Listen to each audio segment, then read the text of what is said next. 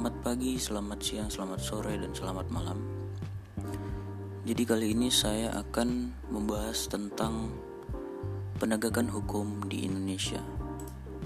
Jadi saya sudah ada tiga contoh kasus.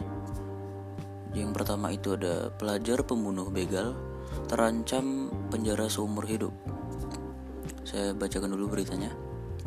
Eh, beberapa waktu lalu, masyarakat dihebohkan dengan kasus pembunuhan terhadap begal motor lantaran pelaku yang merupakan seorang siswa ber, siswa SMA ber, berinisial ZA berumur 16 tahun menusuk pelaku begal yang menghadangnya di pinggir jalan, di pinggir jalan kebun tebu sehingga eh, meninggal dunia di lokasi kejadian.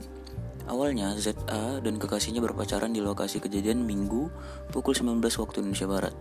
Mereka dihadang empat orang yang memaksa menyerahkan handphone dan sepeda motor. Kunci yang menancap di sepeda motor berusaha diambil oleh pelaku, tetapi berusaha dipertahankan. ZA pun mencabut kunci sepeda motor sambil memutar ke kiri dengan tujuan membuka jok. Antara ZA dan pelaku pun terlibat adu mulut hingga muncul ancaman dari pelaku yang akan menggilir atau memperkosa pacarnya. E, begitu mendapatkan kesempatan, ZA mengambil pisau dari jok sepeda motor lang dan langsung menusukkan ke dada Misnan yang berumur 35 tahun, salah satu pelaku hingga meninggal dunia. Pisau tersebut memang sengaja dibawa dalam jok motor untuk kepentingan praktik di sekolahnya. Atas kasus tersebut, ZA ditetapkan sebagai tersangka. ZA pun sudah menjalankan persidangan dalam sidang dakwaan dibacakan jaksa penuntut umum. ZA dikenakan dengan pasal 340 KUHP, 338 KUHP, 351 KUHP, dan UU Darurat pasal 2 ayat 1 dengan ancaman hukuman penjara seumur hidup. Dakwaan itu e, dibacakan JPU dalam sidang digelar tertutup di Pengadilan Negeri Kepanjen pada Selasa tanggal 14 bulan 1. E, sidang itu diketuai eh, Hakim Nunik Deviari dengan pembacaan dakwaan dilakukan JPU Kristiawan. Pasal yang didakwakan disoroti kuasa hukum ZA. Kenapa eh, salah satu contoh ZA dituduh melakukan pembunuhan berencana. Tetapi ZA berboncengan dengan teman perempuannya lalu dicegat begal, kata kuasa hukum ZA. Bakti Riza Hidayat kepada awak media sesu, seusai persidangan. Jadi menurut saya di sini uh, dengan solusi atau dengan kaidah Gustav. Keputusan yang dilakukan sangatlah bertolak belakang dengan tiga teori substansi dari Gustav. Dikarenakan ZA yang tidak mendapatkan keadilan, kemanfaatan, dan kepastian dengan kaidah tersebut. Adapun keputusan, keputusan hakim yang menyatakan bahwa ZA dituduh melakukan pembunuhan berencana. Namun jika kita lihat dari proses kejadiannya, dituliskan bahwa ZA telah dibegal dan pembegal mengancam akan memperkosa pacarnya. Dan menurut saya, keputusan hakim ini tidak adil bagi ZA. Dikarenakan pembunuhan ini ia lakukan merupakan pembunuhan berencana dan ia terpaksa menusukkan pisau itu ke dada pembegal e, dengan upaya pembelaan diri dari begal tersebut. Dan yang kasus kedua, mencuri tiga buah kakao, nenek difonis satu bulan penjara. Saya akan bacakan dulu beritanya.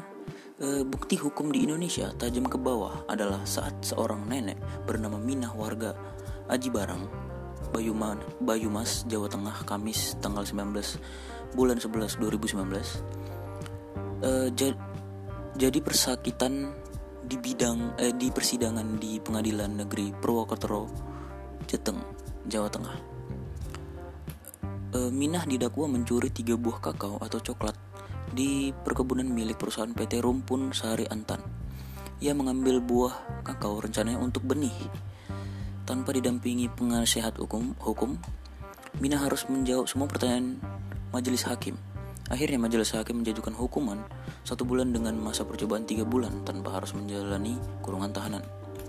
Dan uh, oke, okay, menurut saya di sini uh, dalam kasus ini menurut saya tidak perlu menyelesaikan permasalahan ini menurut saya dengan cara pengadilan Dikarenakan menurut saya kasus ini dapat diselesaikan dengan secara kekeluargaan Seperti yang ada pada kasus bahwa Bu Minah ini kan telah mencuri tiga buah kakao yang menurut saya itu nilainya tidak besar Dan menurut saya ini sangat tidak adil jika Bu, Mi, Bu Minah dijatuhi hukuman selama satu bulan dengan masa percobaan tiga bulan dan yang totalnya empat bulan. Terus uh, yang ketiga kasus kriminalisasi pemulung. PN Jakpus pada 3 Mei 2010 memfonis beban Cairul Saleh, seorang pemulung yang dituduh memiliki ganja sebesar 1,6 gram. Pria 38 tahun ini dipaksa mengakui memiliki ganja oleh sejumlah oknum polisi ini.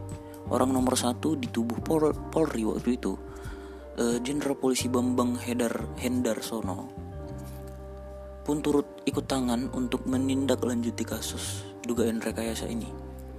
Dia langsung menelpon Kapolda Metro Jaya Irjen Wahyono untuk meminta kepastian adanya rekayasa tersebut. Dalam sidang disiplin, Propam Polres Jakpus menjatuhkan hukuman kepada empat polisi yang terlibat dalam rekayasa kasus ke kepemilikan ganja terhadap pemulung Cairul Saleh ini. Kanit Narkoba Polsek Kemayoran Abtu Suyanto didemosi, sedangkan penyidik Brigadir Rusli ditunda kenaikan pangkatnya selama satu tahun. Kemudian itu Ahmad Rianto ditunda kenaikan pangkatnya selama satu tahun serta dimutasi secara demosi. Dan untuk Brigadir Diki ditempatkan ke tempat khusus selama tujuh hari. Di kasus ini, menurut saya oknum polisi ini seharusnya dihukum secara seberat-beratnya. Mengingat pria yang dijebak sudah sempat memasuki tahanan penjara dan barang yang diberikan kepada pria ini oleh oknum-oknum polisi ini merupakan salah satu jenis narkoba yang hukumnya jika yang hukumnya jika di negara Indonesia akan mendapatkan hukuman yang sangat berat. Jadi menurut saya oknum polisi ini oknum polisi ini harus diberikan hukuman yang seberat-beratnya.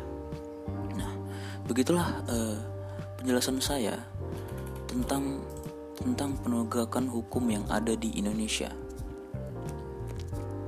Sekian dari saya, mungkin banyak kesalahan dalam uh, penjelasan saya. Mohon dimaafkan. Terima kasih.